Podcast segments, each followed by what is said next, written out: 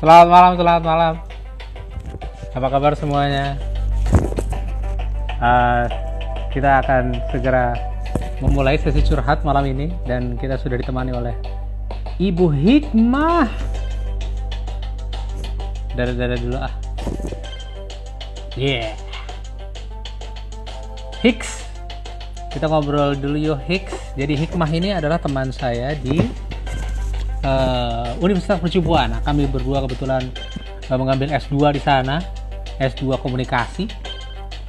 Dan uh, beliau ini memang uh, seorang apa ya pekerja sosial dan uh, sebagian besar dari uh, karirnya ini berkecimpung di uh, dunia bantuan uh, di, di dunia NGO.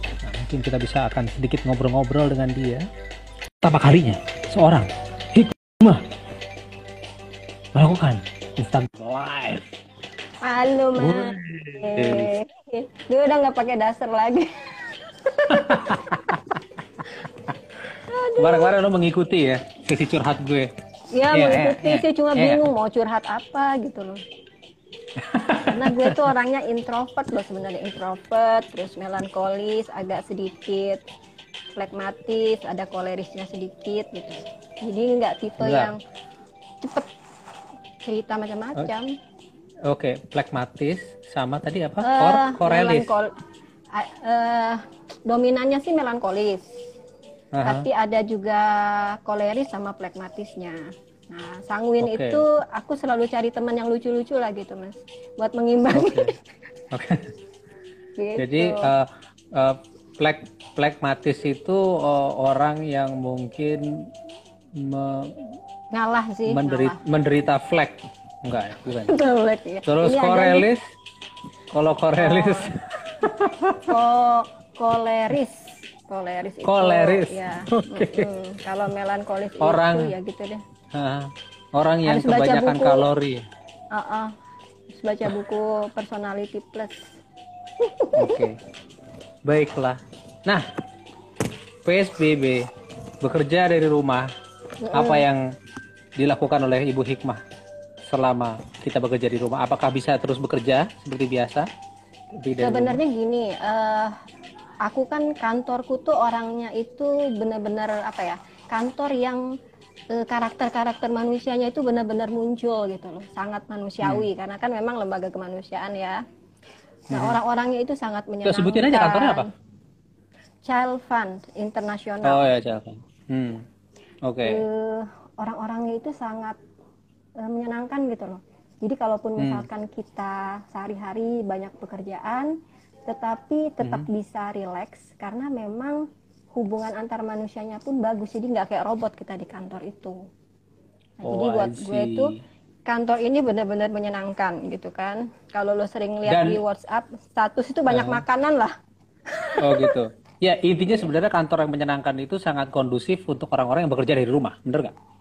Hmm, nggak juga. Justru pada saat juga. jadi okay. kerja dari rumah, kita itu uh. kehilangan sisi manusianya itu. Jadi kan kalau di rumah oh, lihatnya yeah, okay. tembok lagi, tembok lagi kan biasanya kalaupun oh, yeah. kerjaannya serius selalu bercanda gitu kan.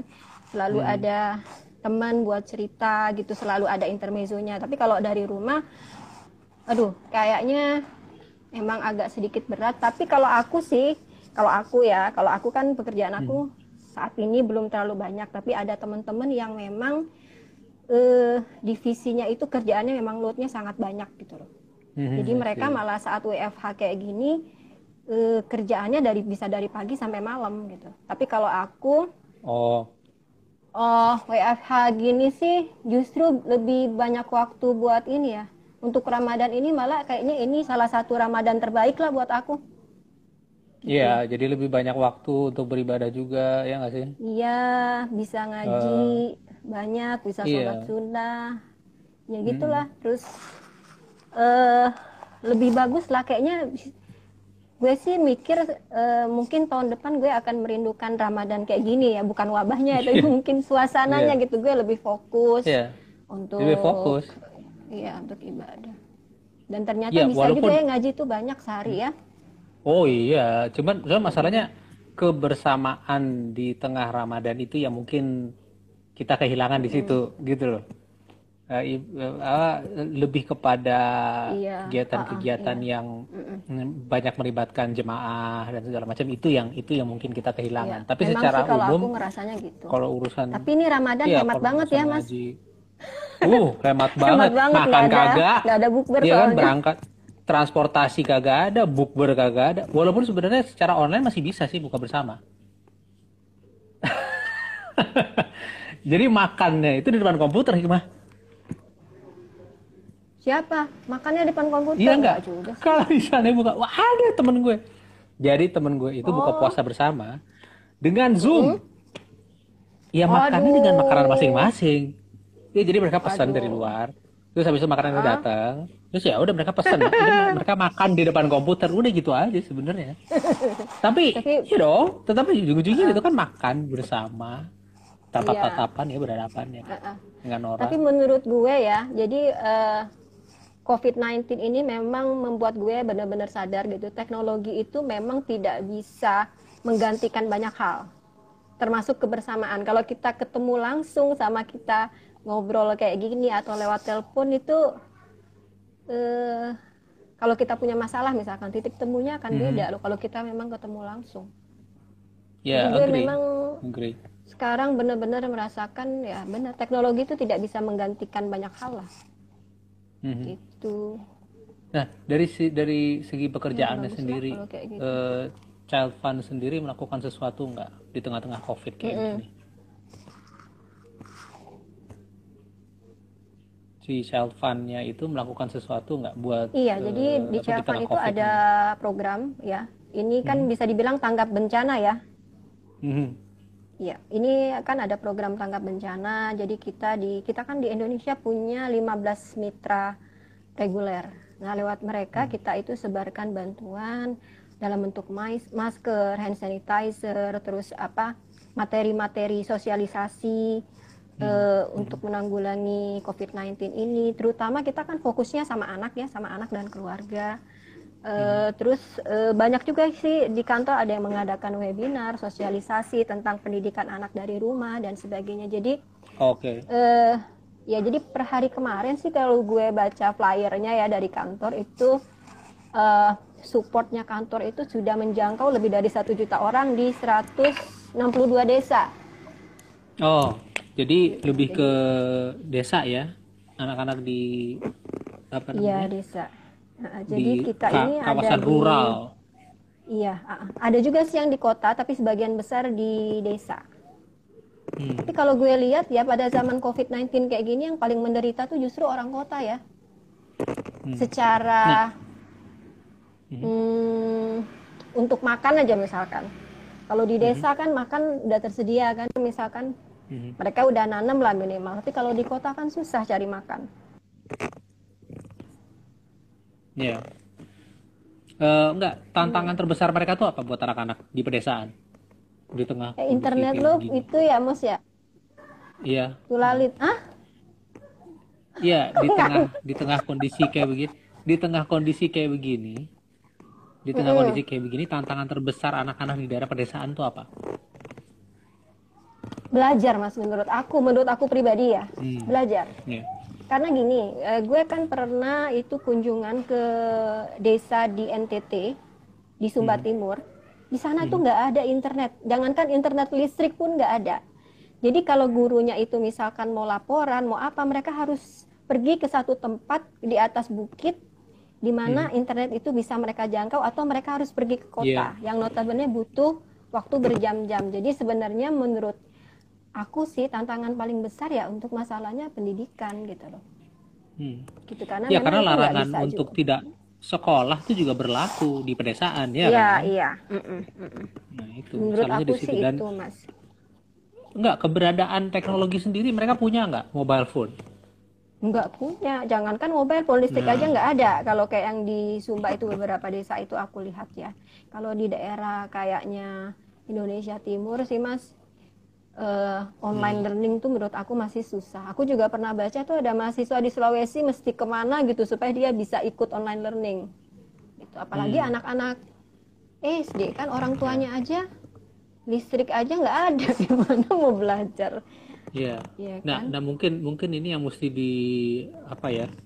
Mesti menjadi perhatian lebih dari pemerintah ya, karena mm -mm. oh tentunya kan ada uh, apa ya? Belum gue sih gue sendiri ya, gue sendiri tidak melihat ada pembahasan atau diskusi mengenai orang-orang yang tidak memiliki akses ke internet anak-anak atau khususnya anak-anak un mm -mm. untuk bisa tetap belajar gitu loh. Mm -mm.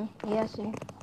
Tidak terlalu banyak pembahasan itu di media. Jadi mungkin ya ini sesuatu yang memang harus di harus jadi perhatian dari pemerintah. Iya. Kita nggak ngomongin soal uh, warga pedesaan doang loh. Mm -mm. Karena di, di kelompok masyarakat marginal juga merasakan hal yang sama. Mereka tidak memiliki handphone iya. untuk bisa mengikuti uh, kelas online gitu. Mm -mm. Iya ke, kebetulan ini si Senda, tau kan lo Senda? Iya, Senda Irawan, iya. Ya, dia dia kemarin cerita ngobrol sama gua di sini juga. Uh, uh, dia cerita itu SD-nya oh, tuh Senda juga memang... live kok aku nggak lihat. Aduh. Jadi si Senda itu cerita bahwa uh, eh, TK yang dia uh, apa ya? Yang dikelola sama dia mm -hmm. itu kan khusus untuk masyarakat marginal. Pemulung dan, ya? uh, iya pemulung buruh cuci tukang mm ojek mm gitu.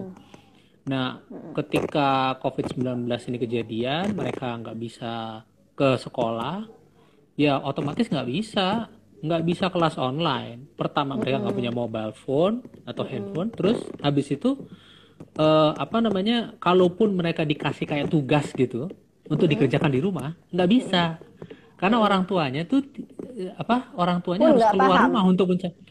Pertama mungkin nggak paham. Terus yang kedua juga mereka harus keluar rumah untuk mendapatkan pendapatan gitu loh.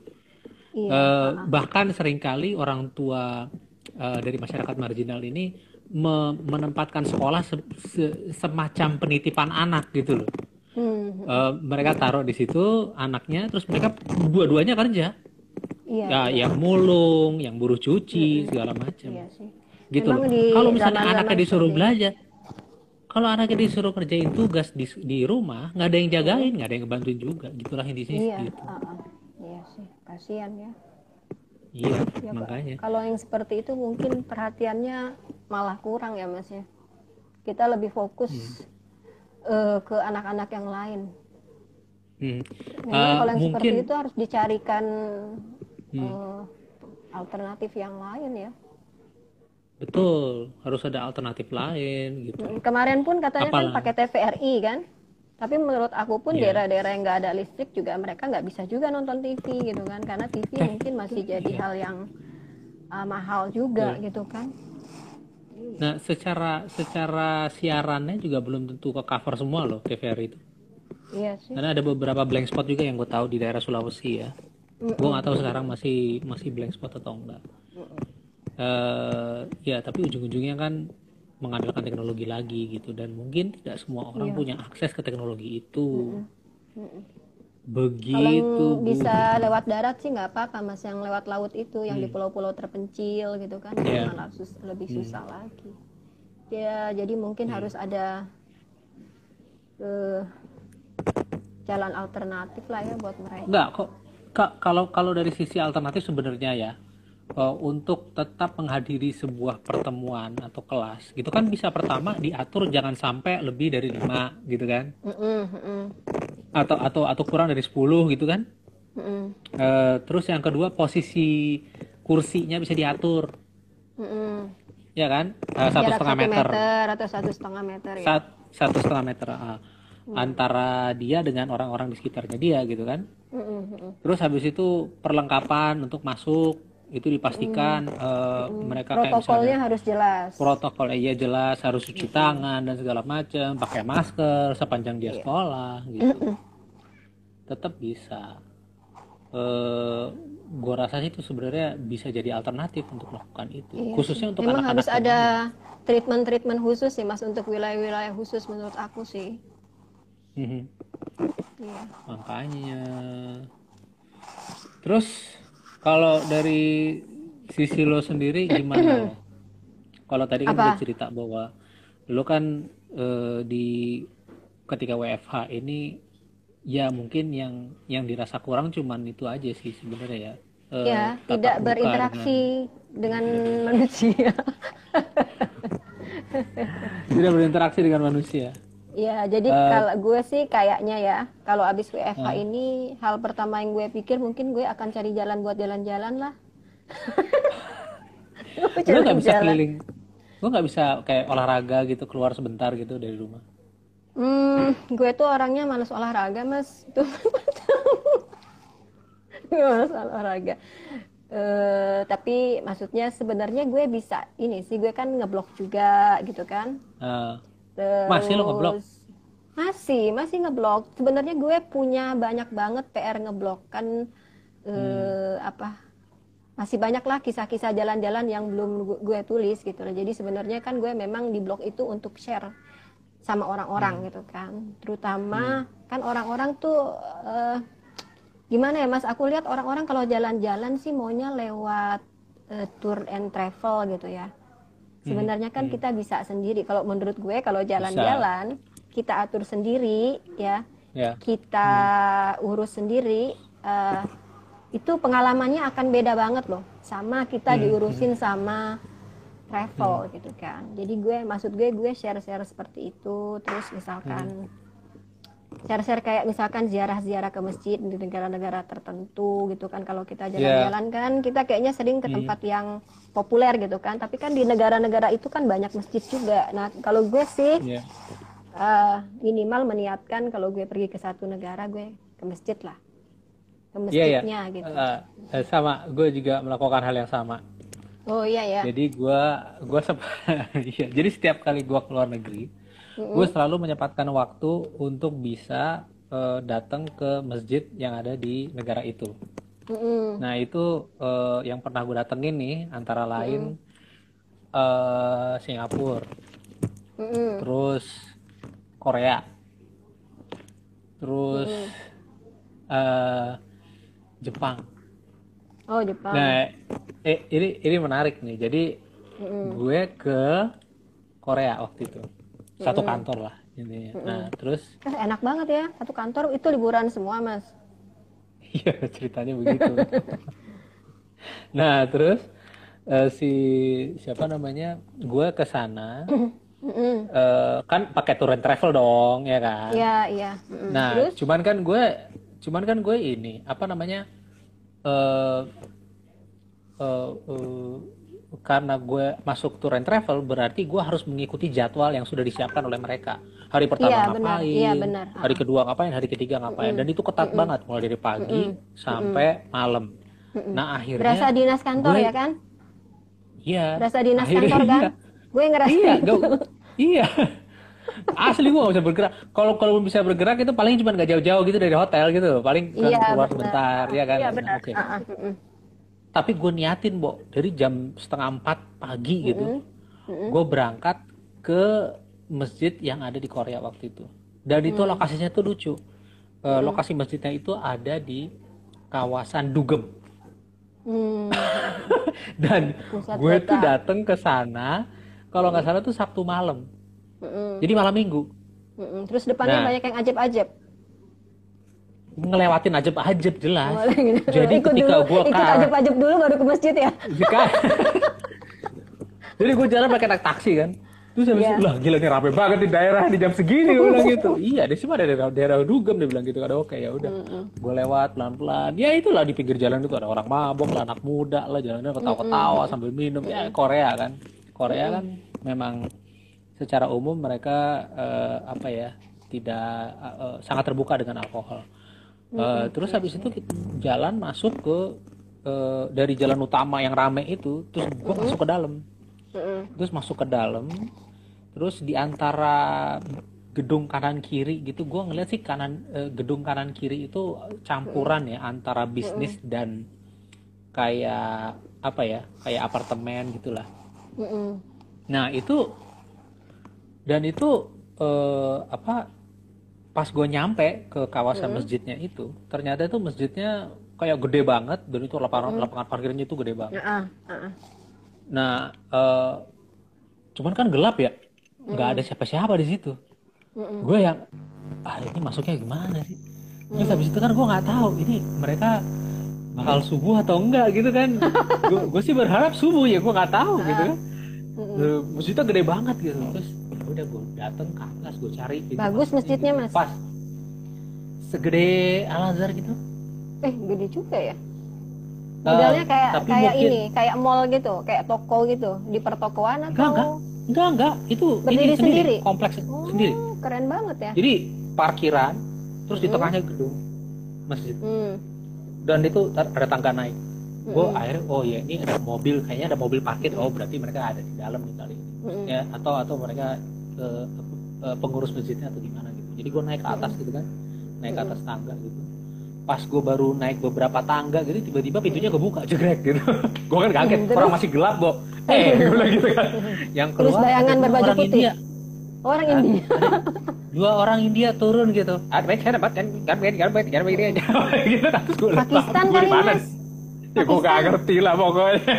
Gue gak bisa kebedain gue antara India sama Pakistan iya sih.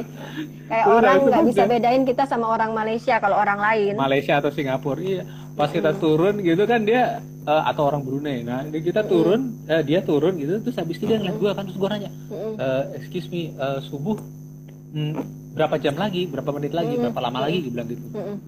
Uh, in another 15 minutes gitu naik aja masuk ke dalam oh ya terus dia turun ke arah tempat wudhu jadi dia mandi dulu apa segala macam jadi gue wah gila doi tinggal di masjid nih gue bilang gitu lucu marbot marbot keren juga ya marbotnya enggak enggak bukan Kagak, boro-boro bukan marbot itu. Mm. Jadi pas mm. gue masuk ke dalam, mm itu orang pada tidur di situ. Orang pada oh, ya? tidur di situ. Iya. Itu, Dan gue uh, dugaan pertama gue itu adalah, ih mereka itikaf. penampungan. Oh itikaf. Nah, kira tempat penampungan dari orang-orang yang ada di jalan. Gitu.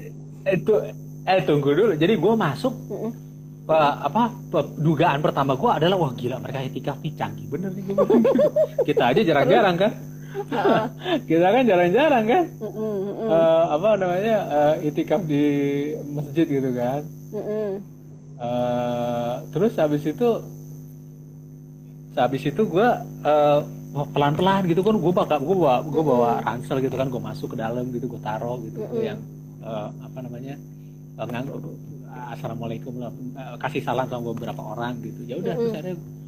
terus itu, itu setelah gue wudhu gue naik ke atas itu gue ngeliat itu semua mm. nah terus eh, pokoknya kayak imamnya gitu itu orang Korea mm. jadi gue wih, boleh juga terus yang jadi, itikaf tadi nah yang itikaf. Orang bukan jadi itu kan dugaan gue mm yang tidur di masjid itu setelah gue lihat itu macam-macam dari berbagai hmm. macam uh, apa ya golongan hmm. ada yang dari India yang hmm. India atau Pakistan itu lah gue nggak tahu dan kelihatan hmm. gitu bahwa mereka tuh memang imigran hmm. ya kan terus habis itu ada lagi yang dari Afrika hmm. tuh gue ngeliat kelihatan ibu jelas sama imigran gitu kan hmm. tapi ada dua orang gue inget banget ini ada dua orang Korea hmm. yang uh, masih pakai baju kantor gitu deh Hmm. Jadi dia tidur pakai pakai sleeping bag gitu. Hmm. Kan itu kan dingin banget di sana kan. Dia pakai hmm. pakai sleeping bag gitu. Terus mereka keluar berdua. Mereka hmm. diem aja. Pokoknya mereka berdua aja gitu. Hmm. Gue gue nggak tahu deh. Jadi gue cuma ngeliatin aja terus gue foto gitu kan diem diem gue foto. Hmm. Ya gue menikmati aja. Jadi gue sholat subuh di sebuah masjid di Seoul. Jadi lo ke masjid itu naik taksi? Naik taksi. Wow, Jadi gue ngeliat di Google. biasa mas usahanya gue ngeliat di Google mm -hmm. terus habis itu gue nemu ih gila ada loh masjid gitu mm -hmm. gue atur gue nanya ke hotel kalau gue naik taksi gimana ada di sini oke jaraknya mm -hmm. kira-kira sekian gue duitnya berapa ada nggak di duitnya ah, ada alhamdulillah ya udah gue berangkat jadi gue balik gitu. Itu uh, masih masih ada waktu jadi uh, breakfastnya itu kan jam 6 kalau nggak salah jam 6 apa setengah yeah. 7 gue masih ada waktu mm sebelum breakfast gue udah balik lagi udah nyampe hotel mm itu di Korea Nah hmm. di Jepang itu lain lagi, Bo. Jadi eh, satu-satunya masjid atau musola yang ada di Jepang di tempat gue tinggal hmm. itu hmm. di, di di dekat hotel gue itu adalah musola. Hmm. Musola. Hmm. Ya gue datang dong ke situ dong. Gue datang. Berapa jauh? Gak jauh sih, gue jalan. Lu datangnya pagi juga naik taksi juga, terus pakai travel juga. Enggak, oh, oh jalan uh, sendiri iya iya pagi pagi oh. juga pagi juga nah uh, terus gue datang ke musola situ kan nah di sampai ke musola itu jadi musolanya tuh kayak apa ya uh, lucu deh pokoknya jadi dia kayak kayak sebuah tem apa ya tempat kursus di lantai dua mm-hmm. sebuah gedung gitu loh. Jadi lo kalau naik tuh ininya kecil ada tempat narok sandal gitu terus naik ke atas terus ini tuh kayak kayak ruangan aja gitu. Tapi sebelum masuk ke ruangan itu ada tempat wudhu. Mm. jadi sebelum masuk ke ruangan sholatnya itu ada tempat wudhu. Pas gue masuk lagi-lagi ada dua orang tidur di situ. Mm. ada dua orang, orang lagi, lagi tidur di situ. Orang India lagi? Iya orang India lagi terus habis ya gue gue sholat diem-diem dong. Terus dalam hati gue bilang ini kan udah waktunya sholat kenapa pada bang pada nggak bangun ya? Gue bilang gitu. Cuman cuman marbotnya doang jadi kayak imamnya gitu. Hmm. akhirnya ya udah gue sholat berdua sama dia. Yang tidur tidur aja. Gue kan bingung ya ya ini mah beda banget sama yang Korea. Yang Korea kan itikaf ya. Gue menduga gue menduga bahwa itu itikaf. Nah udah selesai gue turun gue balik lah ke hotel. Terus gue kebetulan yang nganterin kita tour guide itu orang Indonesia. Oh, terus orang gitu. Indonesia aja cerita. Hmm. Pak itu yang orang tidur di masjid itu bukannya itikaf itu Pak. Jadi itu imigran itu ceritanya orang apa migrant workers. Oh. orang ya kayak kayak TKW jadi dia nggak punya tempat punya rumah. tinggal. iya. Dan itu sudah dilarang. Hmm. jadi sudah banyak masjid di sini di Jepang itu yang menolak mereka hmm. masuk ke dalam itu untuk numpang tidur hmm. Tapi memang kayaknya orang India, orang Nepal gitu, memang Pakistan itu ada di mana-mana ya Mas ya.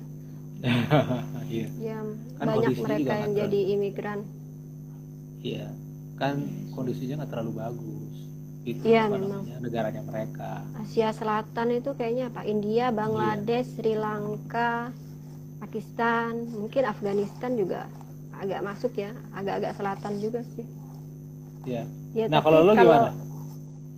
aku itu pernah ke gini aku ada pernah ke Vietnam dua kali tapi dua kali hmm. kesempatan hmm. itu gue nggak pernah ke masjid hmm. dan itu gue nyesel banget gitu kan tapi hmm. gue ke uh, Nepal hmm. nah di Nepal gue sempet satu ke masjid ada dua masjid ceritanya tapi gue satu masjid hmm. namanya masjid Kasmiri uh, hmm. gue jalan dari hotel itu pagi-pagi abis hmm. sholat subuh hmm hmm. di sholat subuh jalan karena kan riskan ya cewek soalnya jadi udah yeah. agak terang itu udah setengah enam atau jam lima lewat gitu kan di sana soalnya subuhnya jam 4 kayaknya mas hmm. jadi jam lima lewat gue udah jalan sama temen ke masjid sana hmm. di sana kan sepi ya nggak kayak Jakarta jadi kalau misalkan kita udah biasa hidup di Jakarta terus ke Kathmandu ya itu mah kecil banget gitulah bisa bisa dieksplorasi dengan mudah gitu nggak kayak Jakarta kan yang bisa nyasar yeah, yeah. nah di masjid itu eh, jadi masjidnya itu pinggir jalan kayaknya eh, di pas di tengah kota gitu loh dekat mall-mall yang jual barang-barang branded sana. Mm-hmm. ya, tapi mallnya nggak segede di sini gitu loh mas. Itu juga jalannya yeah. gitu aja. Uh, terus kan Nepal juga habis gempa 2015 kan masih banyak perbaikan ya. Gue masuk sana gue pikir tuh masjidnya kecil loh mas. Soalnya pintunya gerbang itu kecil banget sempit. Pada saat gue masuk ternyata itu masjidnya sangat besar. Ada pemakaman ada sekolah ada kolam gede gitu terus di sananya ada ambulans ada tempat olahraga itu gede banget ternyata masjidnya. Jadi tempat olahraga serius loh. Iya karena sekolah. Oh, sekolahnya pun bertingkat. Jadi gue tuh nggak nyangka dari luar itu kelihatannya kecil. Ya Allah kasihan banget ini masjid. Pada saat gue masuk ke dalam itu ternyata sangat besar gitu. Nah, gitu. nah jadi eh, tapi gini kalau gue lihat ya orang-orang kalau yang muslim itu kalau misalkan tanya kita dari mana kalau dari Indonesia mereka kayaknya seneng gitu loh sama orang Indonesia mhm. maksudnya eh, sangat apa ya berpikir positif lah tentang kita gitu Hmm. Jadi itu masjid Kashmiri itu eh, satu dari dua masjid yang ada di Kathmandu. Nah kalau hmm. di Pokhara gue kan juga ke Nepal ke Pokhara gue nggak sempet itu cari cari masjid. Tapi kalau kayak di Nepal itu yang namanya makanan halal itu cukup cukup banyak ya. Cukup banyak pilihan. Dan mereka kan juga vegetarian kan jadi mereka nggak jual eh, jarang jual yang babi gitu yang mengandung babi gitu kan. Hmm. jadi lebih enak lah di situ vegetarian soalnya. Nah gue juga pernah ke terakhir itu gue ke Georgia ke Tbilisi. Hmm. nah gue sebenarnya ya bacanya ya, tuh Tbilisi Tbilisi Tbilisi atau gitu Tbilisi Tbilisi iya okay. Tbilisi Okay. Jadi di Tiblis ini gue sebenarnya nggak okay. berharap banyak ya mas ya. Gue nggak berharap banyak dan gue pada saat ke sana tuh nggak terlalu banyak baca Islam di Georgia itu kayak gimana sih gitu kan. Tapi pada saat gue ke sana ternyata memang di se, se Georgia kan negaranya kecil, cukup banyak masjid sebenarnya. Nah di Tiblis itu sebenarnya tadinya ada dua masjid. Hmm. Tapi ya satu masjidnya Syiah, satu Sunni. Hmm. Karena memang Georgia itu kan rebut-rebutan antara Turki, pengaruh Turki sama hmm. Iran kan dulu. Yeah, nah, yeah. jadi ada sempat ada kesepakatan bagian barat dikuasai oleh Turki kalau nggak salah atau bagian timur sama Iran lah gitulah. Pokoknya di sana tuh banyak lah makanan Turki, makanan Iran, restorannya gitu. Nah, satu masjid ini yang Blue Mosque namanya ya, Masjid Blue Mosque itu punya Syiah. Itu di sekitar tahun 54 atau tahun berapa gue lupa itu sama pemerintah Uni Soviet dulu kan di bawah Uni Soviet ya hmm. itu mau dihancurkan karena mau dibikin jalan nah, oh. jadi eh, orang-orang Sunni di sana akhirnya mendengar info berita seperti itu jadi mempersilahkan yang Syiah itu sholat di masjid mereka oh. nah jadi eh, di masjid itu kan biasanya orang Sunni sama Syiah masjidnya misah ya mas ya yeah, itu yeah. mereka e, beribadah di satu masjid jadi di masjid itu ada dua mihrab. Hmm. Ada dua, dua mihrab. mihrab. Iya. Uh -uh. Jadi Biasanya, dipisah gitu. Iya. Jadi masjid itu uh, ada yang mihrabnya buat Sunni, ada mihrab buat Syiah. Hmm. Gitu. Itu maksudnya dan awalnya ada tirai, sekarang udah nggak ada tirai. Itu. Jadi mereka wow. Ibadahnya di sana. Padahal maksudnya dulu ada sejarah ya. Masjid yang sekarang jadi masjid untuk Sunni dan Syiah itu itu dulu pernah dihancurkan oleh Nadir Shah apa penguasa Iran yang Syiah. Hmm. Yeah, yeah. Nah itu pernah dihancurkan. Jadi masjid yang sekarang ini ini pernah dihancurkan tiga kali, dibangun dua kali. Nah, jadi sekarang Sunni sama Syiah di sana sholatnya di satu masjid gitu loh. Jadi gue ngerasa ya Allah ini luar biasa ya di negara ini gitu kan. Uh, hmm. Jadi mereka uh, bareng gitu kan sholatnya gitu. Mihrabnya cuma mihrabnya beda gitu dan masjidnya gue seneng sih masjidnya bersih gitu mas masjidnya terawat gitu nah itu memang daerah kota tua nah ternyata hmm. gue setelah baca-baca lagi ternyata memang e, di Georgia itu ada yang lu pernah baca itu nggak? Tembok Zulkarnain nggak? Kalau di Quran oh. ada? Oh iya ada. Tahu tahu.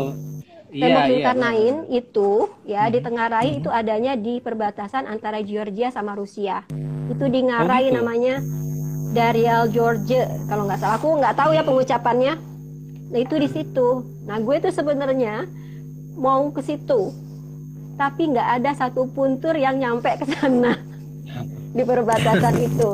Gue harus jalan kalau mau ke sana jalan sendiri. Sementara gue kan nggak tahu negara Georgia itu gitu kan. Hmm. jadi gue cuma sampai di wilayah yang 10 km lagi ke Darial Georgia itu. Itu di perbatasan hmm. Rusia sama Georgia. Nah itu kisahnya. Gue tuh pengen banget ke sana cuma ya nggak tau lah. Next kayaknya gue mau jalan lagi ke situ c nah, tapi negaranya bagus banget mas Wah, enggak, sebelum sebelum lu ngelanjutin cerita lu, gue pengen nanya apa yang menginspirasi lu untuk datang ke Georgia? Uh, gini, gue itu kalau jalan, gue itu ah. sebenarnya gini mas, makin banyak turis datang ke satu negara, gue makin males datang ke situ karena oh, gue gitu. tuh orangnya gini gue jenisnya kan introvert jadi kalau terlalu banyak keramaian gue tuh malah lebih cepet capek hmm. kan orang gue ke Turki juga waktu itu di Turki itu nggak musim turis pun masjidnya rame jadi gue udah capek duluan gitu tapi di Georgia itu gue udah baca-baca ya uh, banyak tinggalan arkeologinya gitu terus alamnya juga bagus uh, terus gue itu pertama itu lihat Instagramnya Farah Queen atau Farah Queen? Kenapa emang gue ke sono? Iya dia ke sana.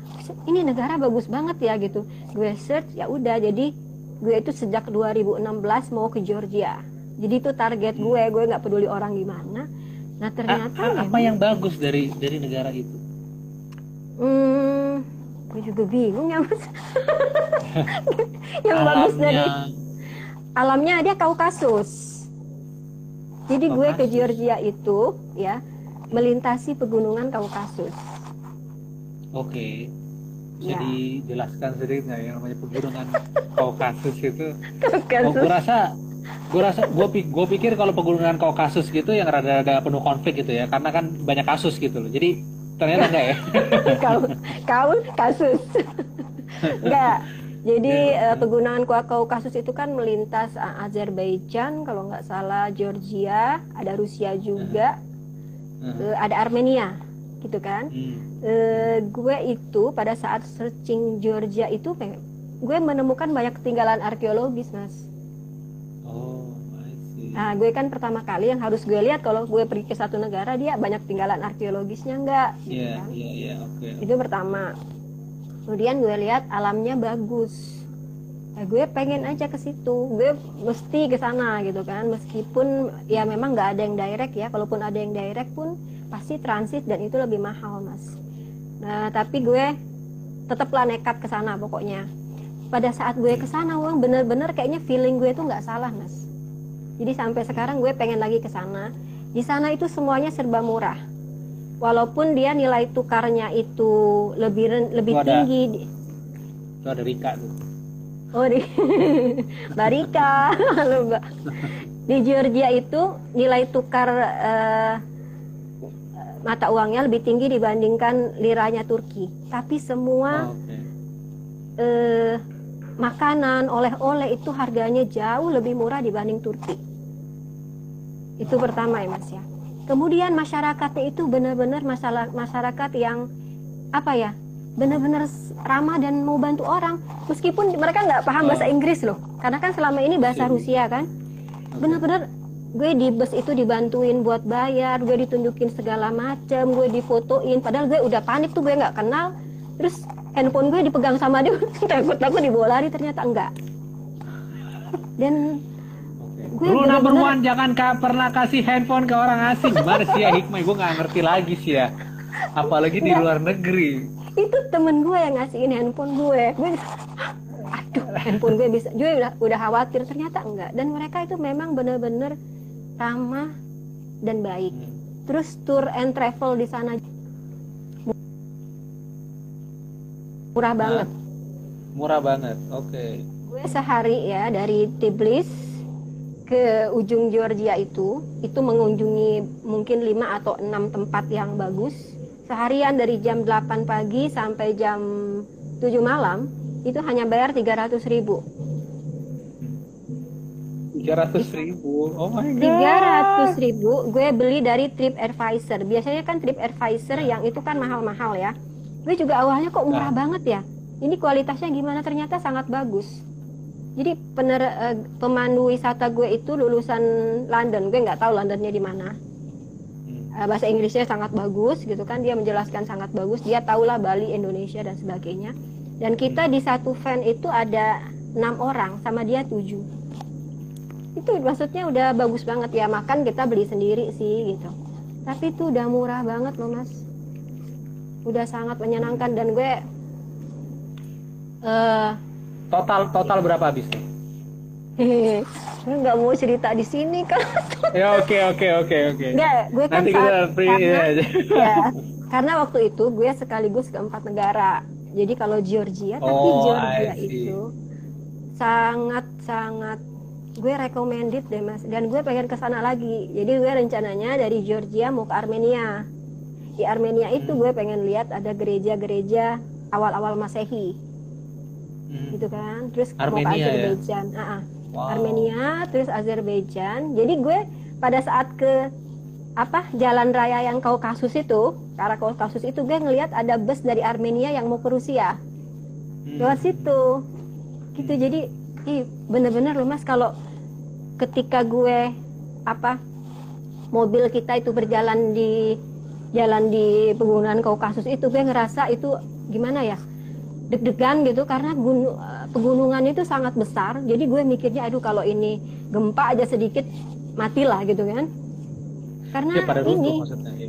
iya saking benar-benar itu kayak tembok raksasa gitu. Jadi gue mikir memang ya kalau apa? Iskandar Zulkarnain bangun ada tembok besi di sini emang bener ini memang mengerikan gitu kan. Tapi memang pemandangannya bagus. Jadi apa ya istilahnya? Dangerously beautiful atau beautifully dangerous gitu loh mas.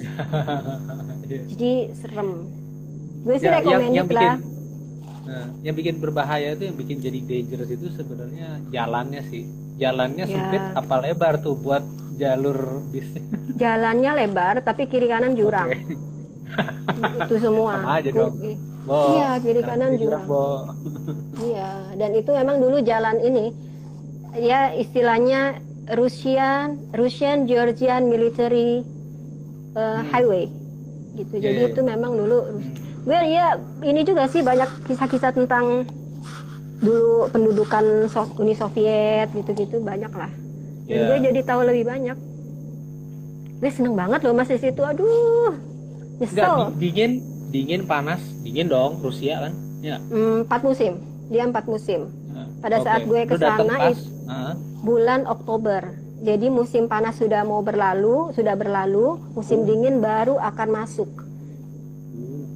Jadi dingin tapi matahari masih bersinar, masih terang. Oke. Okay. Iya. Oke. Okay. Itu. Pokoknya itu oh, deh. berarti ya antara panas dan dingin gitulah ya. Dingin banget, Mas. Dingin banget. Oh. Dingin banget dan sangat dingin. Tapi ya gue kalau dibandingin ya Turki sama Georgia, gue milihnya Georgia. Gue betah banget di situ. Tapi gini, ada satu cerita juga. Kita kan waktu itu ke Athena juga. Di Athena itu sejak sebelum kita jalan, gue udah mikir gue mau ke masjid sini nih ada masjid pas di browsing. Tapi pada saat e, hari hanya gue kecapean, ternyata temen gue yang cari masjid itu dia bilang masjid itu udah nggak berfungsi lagi. Udah nggak kepake jadi masjidnya udah banyak ketempel-tempel ditulis apa gitu. Mungkin sudah nggak berfungsi lagi. Kayaknya udah jadi museum kali mas kayaknya oh ada ayam bakar Bu Haji Sri. Bakar Bu Haji Sri. Halo. Adi Ading ya? Ading bukan ya? Ading kan? Ya Mas Adi. Mas Adi ada ayam bakar. Aduh rame juga. Halo halo Oh banyak juga temennya yang lihat ya. Kalian biar ngetop katanya gitu. Oke baik. Aduh, enak loh ayam bakarnya aku pernah nyobain. Yoi. Oke. Berarti ya, pengen gitu balik lagi ke sana. Nah, tapi kan kalau lagi kondisi kayak begini udah lah ya, nggak bisa ke mana-mana juga. Kan? Ya, Ada, gue sebenarnya. Enggak, bayangan gue gini, lu kalau misalnya mau ke sana lagi pasti nabung dong. Iya, ya, nabung. Mm -hmm. Nah, ketika lu nabung itu, uh, kan nggak pernah kebayang akan terjadi kejadian kayak begini gitu uh, kira-kira ketika ini selesai lu memperkirakan apakah tabungan lu untuk keliling-keliling dunia atau travel gitu itu tetap masih ada atau menurut bayangan lu akan tergerus? Akan kepake gitu buat kebutuhan karena kondisi kayak begini? Bingung juga sih.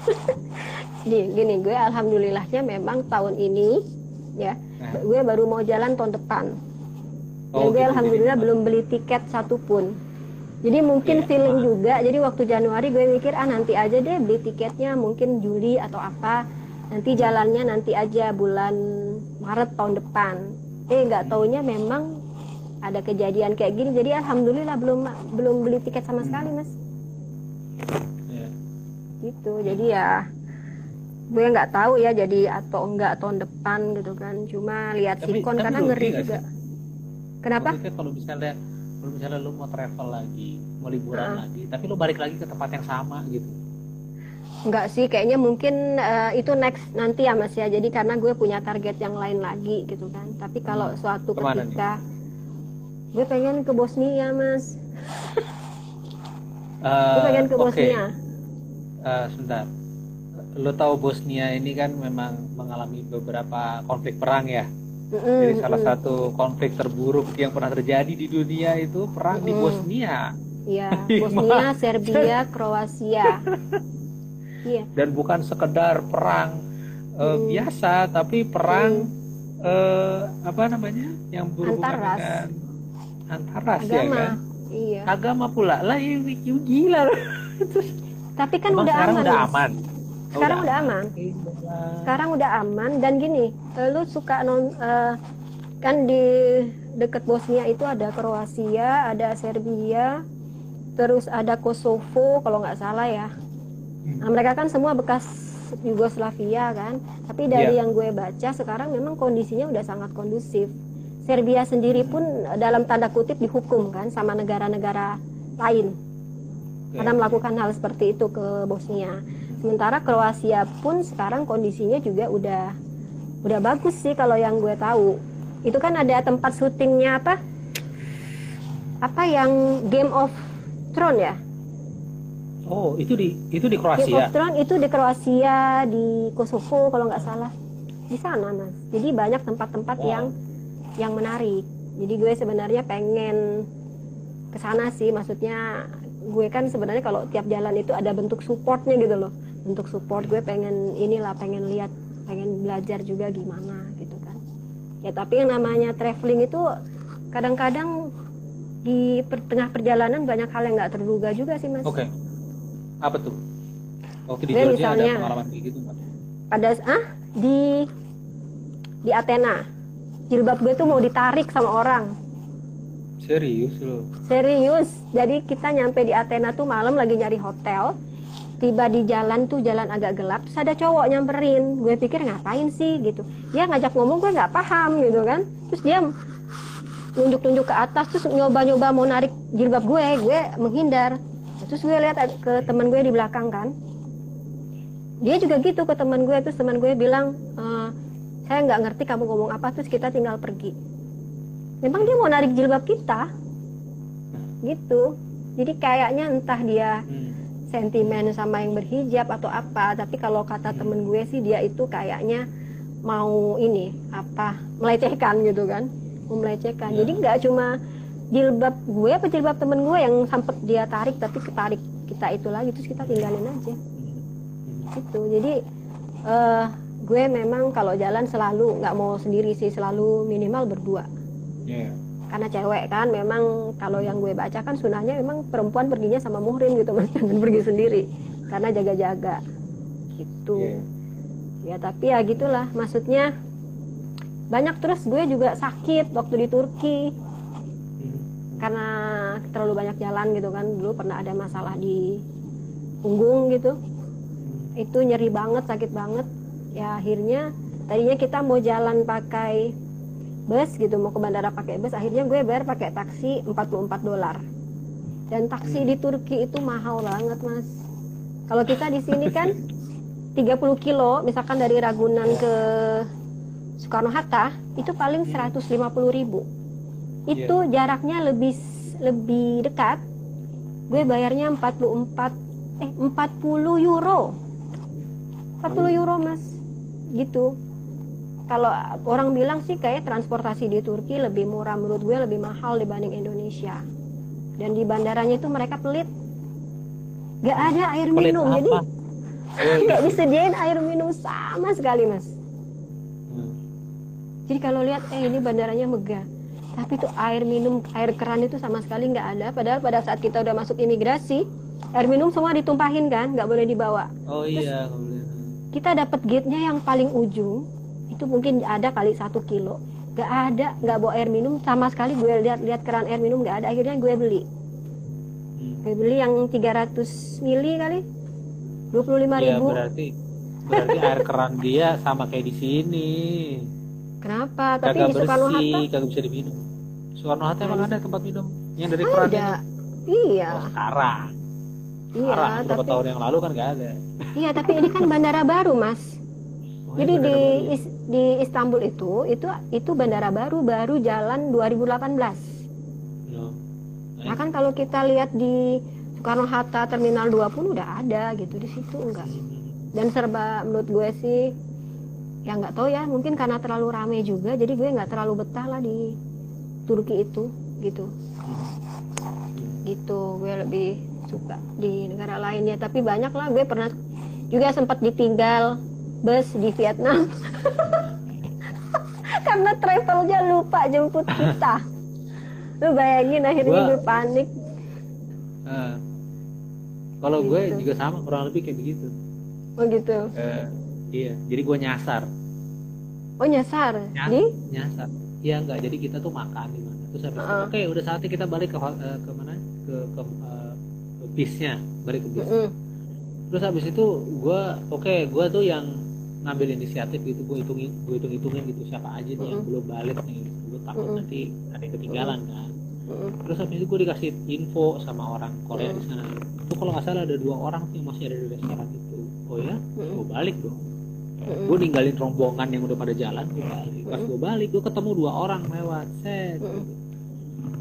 yang dimaksud tuh ini atau bukan sih gue nggak tahu kan. Mm, terus? Jadi eh, ayo, ayo cabut apa buruan balik ke bis gitu kan masih ada nggak di belakang lo nggak tahu tuh mas terus dia dibilang nggak tahu terus habis itu gue nungguin kan jangan-jangan nanti ada dua orang lagi jadi gue tetap ke arah mm -mm. itu tetap nyari terus ternyata nyasar. bo kagak ada terus yang kedua orang Korea yang ngasih tahu jadi di orang Korea ini kayak mm. salah satu pemandunya gitu loh mm. orang Korea yang ngasih tahu bahwa ada dua orang itu mm. itu dia dia uh, apa namanya sama tugasnya sama kayak gue jadi menggiring orang untuk masuk dari ke bis gitu kan mm nah gue pikir dia nungguin gue mm, sementara gue yeah. balik ke ke restoran itu. Pas gue lihat dari jauh gitu gue belum nyampe restoran itu gue lihat kayaknya nggak mungkin sih. Kalau misalnya dia masih ada di situ ini udah dari beberapa menit yang lalu udah harus keluar kan. Jadi gue balik pas gue balik tuh orang Korea ninggalin gue padahal padahal sebelum gue ke arah restoran itu gue ngomong sama dia tungguin gue gue bilang gitu kan. Uh, uh, terus? Pas gue balik dia tinggal sih si Jaing gue bilang dalam hati aduh. Ya akhirnya gue berusaha untuk ingat-ingat ini jalannya bukan sih. Pas sampai mana gitu gue yang langsung disorient gitu aduh. Hmm, disorientasi. Pas saya, akhirnya gue makin jalan jalan jalan jalan gue tiba-tiba berada di jalan besar gitu. Mm -hmm. dan gue inget banget uh, di situ ada Paris Baget mm -hmm. nah akhirnya udah gue telepon kan gue telepon gue kasih tahu gue ada di Paris Baget gitu. mm -hmm. oke okay, Paris Baget mana jalan jalannya di sini oke okay. mm. udah dong gue santai dong oh iya kita tahu oke okay. nggak nyampe nyampe terus gue mm. gue telepon ini ke mana sih oh ternyata kita udah di Paris Baget tapi kita nggak nemu kamu dibilang gitu terus terus dia bilang oh pantesan jadi di jalan itu yang namanya Paris Baget itu ada dua Banyak. jadi sama kayak jadi sama kayak Indomaret di Mari gitu loh. Kalau di Mari itu ada Alfamart sama Indomaret. Lo kalau misalnya Indomaret Fatmawati gitu, yang mana gitu? Indomaret yang mana? Ya kurang lebih begitu. Jadi gue nyasar, gue ditinggal. Terus? Akhirnya ditinggal. Ya udah, nggak akhirnya Terus? kita waktu itu ah, gue lewat di lihat di Google gue nemu mm kantor dari kantor gue yang di Korea mm -hmm. nah akhirnya udah ketemu di sana aja mm. ya udah gue jalan ke sono mm. jalan ke sono karena kalau misalnya jalan kaki. ke Paris Baget jalan kaki gue jalan kaki sementara mm. yang lain ada ada ada beberapa rombongan uh, mm. tim kita yang ada di sana yang jalan kaki mm. juga nah pas gue nyampe gue udah nyampe duluan tuh nyampe duluan mm. nyampe. nggak berapa lama tim yang dari kantor itu mm. uh, teman-teman kita yang di kantor itu terus nyampe juga ke, kan, ke kantor ketemu lama gue gitu. Cuman kan gue yang eh, kayaknya gue kenal nih gue udah coba ngobrol sama dia gitu kan. Iya gini, gini. eh ya allah ini bos. Gue kesel banget dulu. Uh, kurang malu apa sih? Gue gue datang ke negara orang terus ketemu sama teman-teman kantor yang ada di situ gitu ya. Terus habis itu bosnya kantor itu ngurusin gue yang hilang di tengah jalan jadi lo jadi itu ya berita nasional berita Oke okay ya, tunggu di sini ya. Jangan ke mana-mana. Gue ingat banget dia bilang kayak gitu. Tunggu sampai mereka iya. Yeah, Padahal niatnya mau bantuin orang, akhirnya malah repotin. Iya. Oke, okay, ya, kita ya, kita sebentar lagi selesai waktunya. Udah jam 10 uh, nih, Mas? Iya, tapi kita tadi mulai kan sedikit lewat tuh dari jam 9 ya. kita masih ada beberapa menit lagi. Thank you banget. Lewat 2 menit. Cerita ceritanya.